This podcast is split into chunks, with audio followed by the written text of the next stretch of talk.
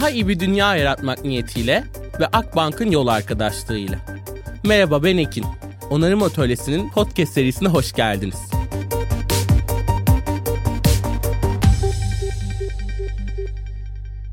Kocaman bir merhabalar. Bugün konuğumuz diye başlamıyorum çünkü bugün sadece ben varım. Sizinle biraz baş başa sohbet etmeye geldim.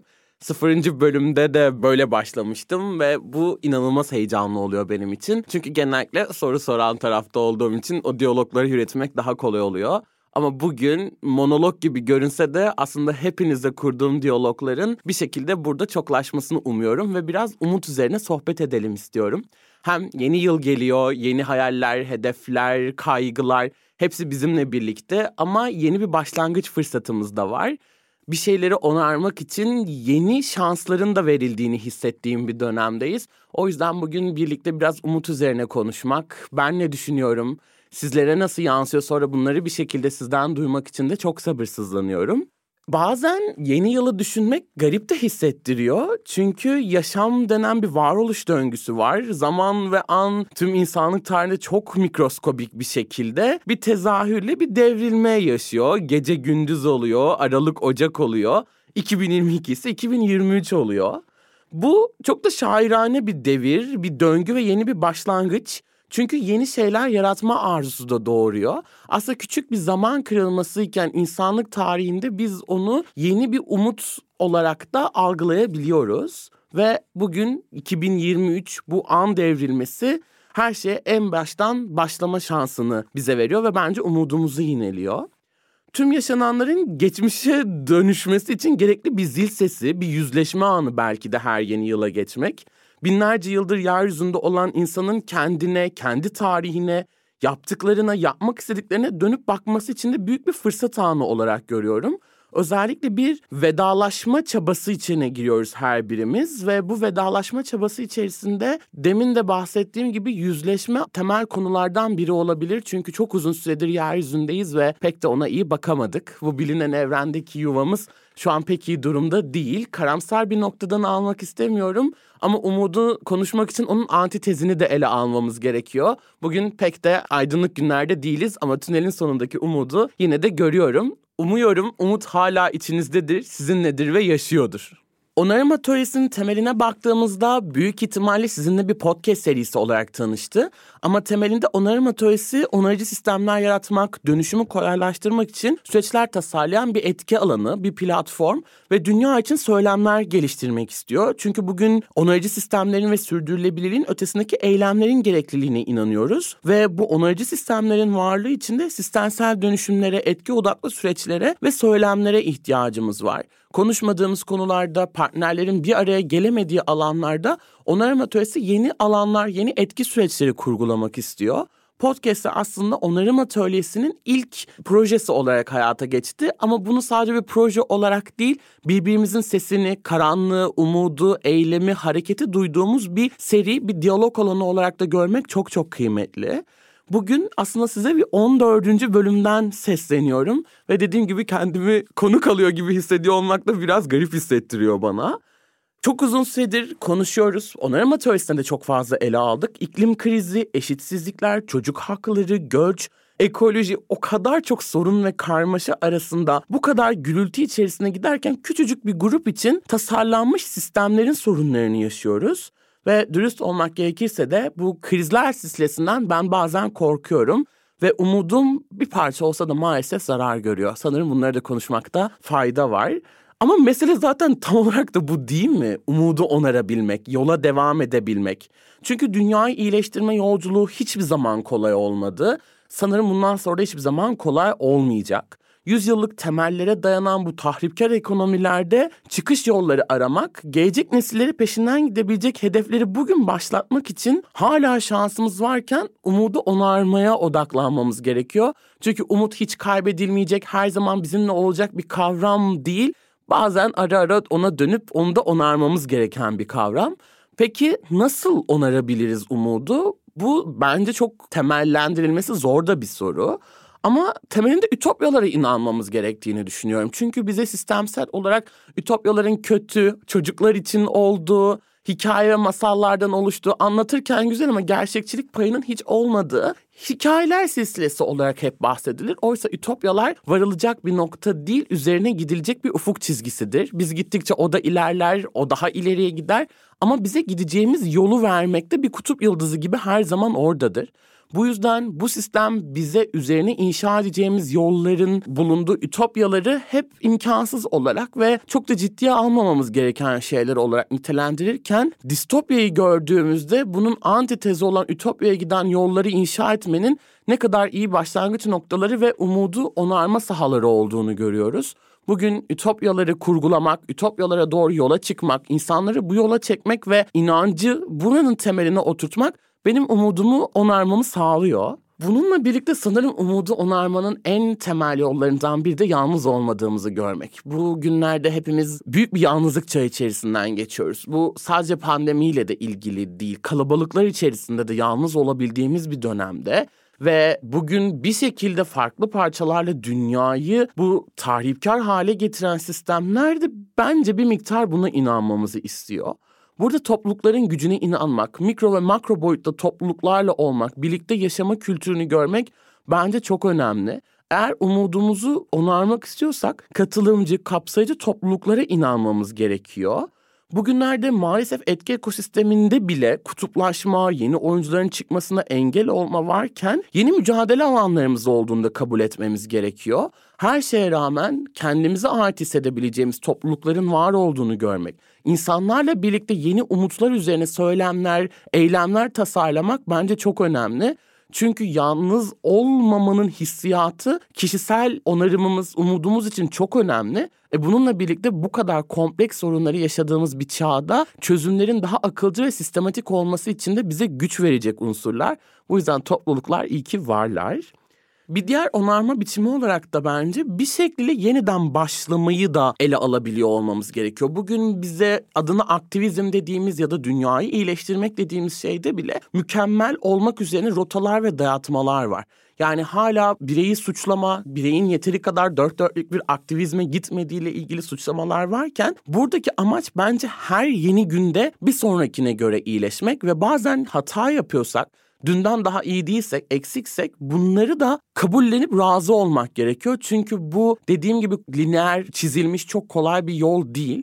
Bu yüzden yaptığımız hatalar da varsa bunlarla yüzleşmek ve her yeni günde daha haysiyetli çıkış yollarını aramanın umudu onarmak için çok önemli olduğunu düşünüyoruz. Bazen kendimiz hata olarak gördüğümüzde ya da toplumun bize dünyayı iyileştirme yolculuğunda hata yaptığımızı söylediği noktalarda kendimizi cezalandırmak yerine yeni yolları, yeni alternatifleri aramaya başlamak umudu kaybetmenin öndeki en büyük onu yeşertecek şey olarak diye düşünüyorum. Ve benim en çok kendi takıldığım ve düşündükçe bana iyi gelen şey dönüşümü anlamak üzerine. Bugünden yarına keşke dünyayı kurtarabilecek olsaydık ama bu pek mümkün görünmüyor. Dönüşüm dediğimiz kavram bir gecede aniden olabilecek bir yolculuk değil. Çok fazla patinajları olan, yokuşları olan, çamurlu, çakıllı bir yol. Ve bu yolu böyle kabullenmemiz gerekiyor. Bunun zaman içerisinde olabileceğini görmemiz gerekiyor. Bu demek değil ki bunu zamana yayalım ve her şeyi bir şekilde kendi yoluna bırakalım. Hayır tabii ki her yeni günde daha radikal eylemlerle, daha net aksiyonlarla yeni şeyleri talep etmekten ve yürümekten vazgeçmememiz gerekiyor. Ama dönüşümün bir süreç olduğunu, asla bitmeyeceğini de görmek gerekiyor. Sevgili Levent Erden'le hep konuşurken değişim ve dönüşümün farkından bahsederdik ve onun bu anlattığı küçük bir benzetme dönüşümü anlama noktasında bana çok fazla kapı da açıyor.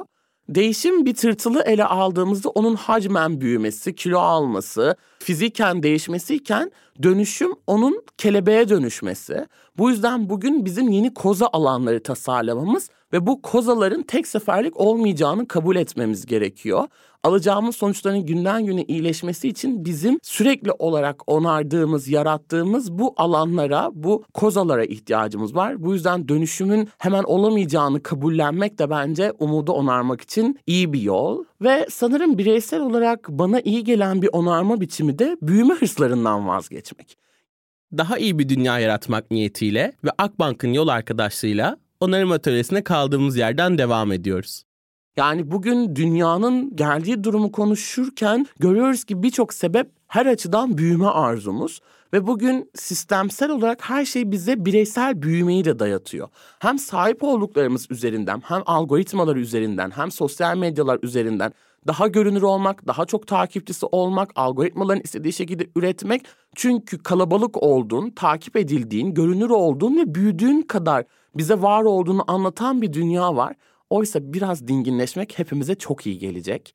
Bu korkunç hızın içerisinde yavaş kalabilmek ve büyüme hırsının ötesinde dünyaya bakabilmek, kendi etki alanlarımızdan razı olmak bence umudu onarmamız için temel çıkış yollarından bir tanesi ve son olarak da sanırım umudu onarmanın temel yolu kendi hikayemizi baştan düşünmek. Ben görece bireyin dönüşümünün ve yaptıklarının çok da bir işe yaramayacağını düşünürken onarım atölyesine çıktığım başlangıçta burada sohbet ettiğim insanlarla bir bireyin varlığının ne kadar önemli olabileceğini gördüm. Ve bu bana çok iyi hissettirdi ve kendimin kim olduğu üzerine daha fazla beni düşünmeye itti. Yani hangi seçimleri yapan bir Ekin var, kim oluyor, nelere sahip ve nelere ait olduğunu düşünmek. Kendi hikayem üzerine çalışmak ve kendi hikayemi iyileştirmek de umudu onarmamızı sağlıyor. Çünkü her birimizin umut etme biçimleri çok özel ve biricik. Kendi hikayemizi tanımak, onu evriltmek, onu iyileştirmeye çalışmak, umudu anlamak ve onarmak üzerinde de çok kıymetli. Ben epey uzun vakittir kimim sorusuna, ben kimim sorusuna aradığım cevaplarla zihnimi kurcalıyorum. Çok net cevaplar veremesem de biraz bildiğim şeyler var ve bunları kabullenmek umutla yola çıkmama çok yardımcı oluyor. Ben özünde her yeni güne daha haysiyetli seçimler yapmak, insanlık hikayesinin arasında gidip geldiği o sahip olmakla ait olmak arasında ait olma tarafında kalmaya çabalıyorum. Aslında bu kadarlık bir yaşam hikayesinden ibaretim. Dünya meselelerim, çözmeye tutkulu olduğum sorunlar, peşine düşmek istediğim bin bir türlü adaletsizlik var. Her şeyin sadece bir kesim için tasarlandığı dünyada bazı şeyleri tersine çevirmeye dair eylemler tasarlamak için bastırılmaz arzular duyuyorum ve iflah olmaz bir umutla sistemlerin dönüşümüne yürekten inanan, bunların peşinden gitmek için de hiç durmamayı uman hayallerim var. Hayal kurmak bence bugün çok önemli. Benim de içimde uzun süre sonra amansız hayaller kurmaya başlamış bir ekin var. Hayal varsa umut var. Yeni ekonomik modelleri, inovasyonu, etkiyi, sistemleri tasarlamayı, sosyal girişimleri, dönüp baktığımızda mekanda adaleti, göçü, katılımcılığı, kapsayıcılığı, sanatı, anlatım biçimlerini veya hiyerarşisiz, merkezsiz toplumları birçok konuyu düşündüğümde dayanılmaz bir harekete geçme çağrısı duyuyorum. Ve bu çağrıyı dinlemek bile dünyaya daha umutla bakmamı sağlıyor. Ve tabii ki benim sonsuz aşklarım var. Dünyayı iyileştirmek isteyen herkese kalbime sığdırmakta zorlandığım bir aşk, inanç ve sevgi besliyorum. Ve bu aşk benim dünyaya insanlar üzerinden, topluluklar üzerinden, dayanışma bilinci üzerinden çok daha güçlü bakabilmemi sağlıyor. Ben inandıklarım, üretmek istediklerim için ilham aldıklarımla, biriktirdiklerimle ve onlarca güzel insanın gözlerindeki ışıltıyla yeni bir maceraya atıldım son birkaç ayda ve onarım atölyesi. Uzun süredir ekin olarak söylediğim, ürettiğim, söylemeye niyet ettiğim şeyler için de herkese kapıları açık, birlikte iyileştirme hareketleri tasarlamak isteyen bir etki alanı burası. O kadar heyecanlı, o kadar kalabalık, renkli hayallerle çıktım ki bu yola dünyayı başka görür oldum bugünlerde. Umut üzerinden bakabildim birçok yaşadığım karmaşaya. Hayatımın ve yeni hikayemin henüz çok başındayım. Belki bu podcast serisinin de öyle. Bolca mutluluk, kırgınlık ve öğrenme yaşıyorum. Biliyorum sizler de bu süreçlerden geçiyorsunuz. Ve yeni mücadele alanları doğuyor her birimiz için. Bugün köşe başını tutanlara, kapıları kendinden olmayanları kapatanlara, ait olmanın önüne sahip olmayı koyanlara karşı yeni mücadele alanları koyarken kendinizi çemberin dışında hissettiğinizde en çok da buradaki umudu, kocaman yeni çemberler tasarlamak için niyet edenlerin varlığını hatırlamanızı rica ediyorum. Çünkü hepimiz birlikteyiz. Burada tutkumun, inandıklarımın peşinden gitmek için yepyeni bir alan ve bir o kadar da güzel insan var ve siz de bunlardan birisiniz. Gördüm ki ben yalnız değilim. Sizler de değilsiniz. Yalnız değiliz çünkü umut üzerinden dünyayı birlikte iyileştirmek isteyen çok sayıda insan var. Yeter ki doğru ekosistemlerde birbirimizi görüp birbirimize dokunabilelim. Hepimiz birbirimize elimizi uzattığımız yerdeki kadar da yakınız. Tüm bunlar benim aşklar, varoluşlar, mücadeleler, insanlara olan bu inancım umuda dair de çıkış noktam aslında. Ve gürültüde umudun sesini duymak diye çıktığımız bu podcast yolculuğunda bu kavramların çok önemli olduğunu düşünüyorum. Çünkü bugün içinde yaşadığımız tüm kaosun bir gürültü olarak tanımlanması ve içindeki umudun sesini duyma arayışımız bence bize temel çıkış noktalarını verecek yer. Ve onarım atölyesi umudu ve gürültüdeki umudu duymayı Ece Temel Kur'an'dan öğrendi. Ve ben bu podcast'te Temel Kur'an'ın Gürültüde Umutlanmak yazısını okumak istiyorum. Hepimizin bu yazıyı tekrar dinlemesi, okuması, belki ilk kez keşfedecek olması umut üzerine bize iyi çıktılar yaratacak bence. Şöyle diyor Temel Kur'an. Umutlanmak ne korkunç şey. Hemencecik korkunç hem de. Zıddını en hızlı çağıran sözcük umut. Siyahın beyazı, aydınlığın karanlığı, neşenin kederi çağırdığından da hızlı. Umutlarını verince yemeyip içmeyip koşturup gelen o sözcük fakat umutsuzluk değil esasen. Gelip umut ile kendine kurduğun küçücük çiçekli sofranıza çöken hayal kırıklığı korkusu aslında. Umutsuzluk değil, o başka şey. Hevesini kıran, hayata iştahını kesen, yüzsüz misafirin adı hayal kırıklığı korkusu aslında. Yine mi enayi yerine koyacak seni hayat? Yine mi kızacaksın kendine umutlandın diye? Yine mi öfkeleneceksin bir türlü taş kesilemedin gitti diye? Umut azlı o yakışıklı filinta seni yine mi aldattı? Ah nasıl da tavlandın yine toy gönüllü ha? Yapma onu yapma. Hayat hep yeniden yaldanmak meselesi. Aldanmayıp ne yapacaksın? Böyle duracak mısın mıh gibi? Kalbin mühürlü mü kalacaksın? Gelip geçecek umut hiç mi yüz vermeyeceksin? Böyle daha mı iyi? Sanıyor musun ki o zaman harika bir insan olacaksın? Kalbin bir risk ekonomisi var. Sürekli güvenmemek insanlara mesela hep güvenip birkaç kez aldatılmaktan daha pahalı. Her seferinde umutlanmak, hiç umutlanmamaya yemin edip kararmaktan daha ucuz ve daha mantıklı. Kalbin kendince bir risk anlayışı var. Yorma kendini, değişmez. Bugünlerde umutluyuz biraz. Birazcık. Korka korka elbette. Parmak uçlarımızda yürüyoruz. Aman duymasın diye hayal kırıklığı. Koşturup gelmesin hemen diye. Ay hadi inşallah diyoruz sanki şakasına gibi. Şakalaşırsak tam da umutlanmış sayılmayız. Sayılmayınca da umutsuzluğun, hayal kırıklığının adını da anmış olmayız diye. Gizli gizliyiz yani. Eskiden Anadolu'da art arda ölürse bir kadının yeni doğmuş erkek bebekleri yeni doğan erkek bebeğin kulağını delerlermiş. Şeytan gelirse kız sanıp gitsin diye. Umudumuzun kulağını deliyoruz biz de. Saklamak için kötülükten. Yüzüne karalar sürüyoruz. Al Yazmalı'nın filmindeki Türkan Şoray'a çirkin görünsün diye annesinin yaptığı gibi. Hatta bazen kolunu büküyoruz, bacağını tekmeliyoruz. Sakat kalana kadar dövüyoruz ki umuda benzemesin diye. Sonunda umutlanmanın keyfi kaçıyor zaten. Büsbütün hayal kırıklığı korkusu çöküyor üzerimize. Keyfini çıkarın umudun. Umut orada olduğu sürece. Çünkü umutla daha çok yürür insan daha çok yol alır ve kim bilir belki sadece umutlu olduğumuz için başarırız bu kez. Umuda zaman ayırdığınız için kendi bacağınıza sıkmadan yürümeyi beceririz bu sefer. Belki kim bilir. Bunu da hesap etmek lazım. Bunu da hesap etmek lazım diyor Ece Temel Kur'an. Ne kadar da aslında bu podcast serisinin çıkış noktasına dair birçok şeyi de bize anlatıyor her şeye rağmen umudun orada olduğu sürece ona inanmanın, onun varlığının keyfini çıkarmanın mesajlarını veriyor bize. Bugün umudu yeşertmek, onarmak ve yaymak için harekete geçenleri, çözüm üretenleri, meselesi olanları dinlemek en iyi çıkış noktalarından değil de ne? Anlamlı diyalogları, bu diyaloglardan doğacak aksiyonları düşlemek.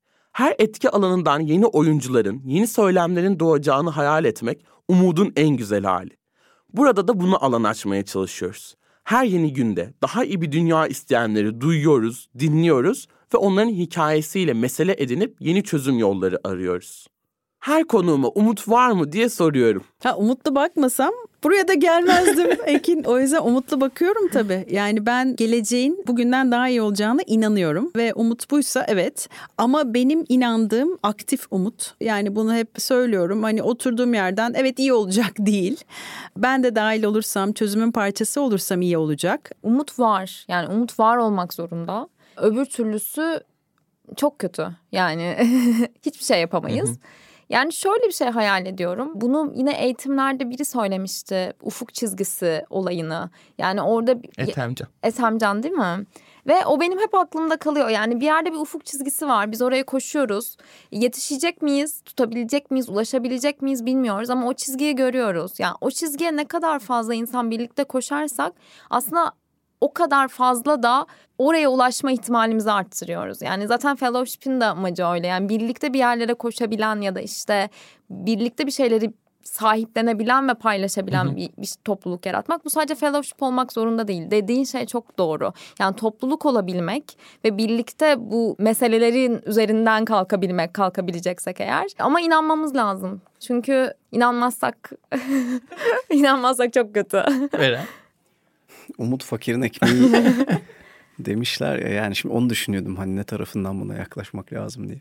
Karnımızı boş umutlarla tabii ki doyurmayacağız. Demin söylediğim gibi bize hep kıtlık ve korku hikayeleri anlatıldı. Hala da anlatılıyor.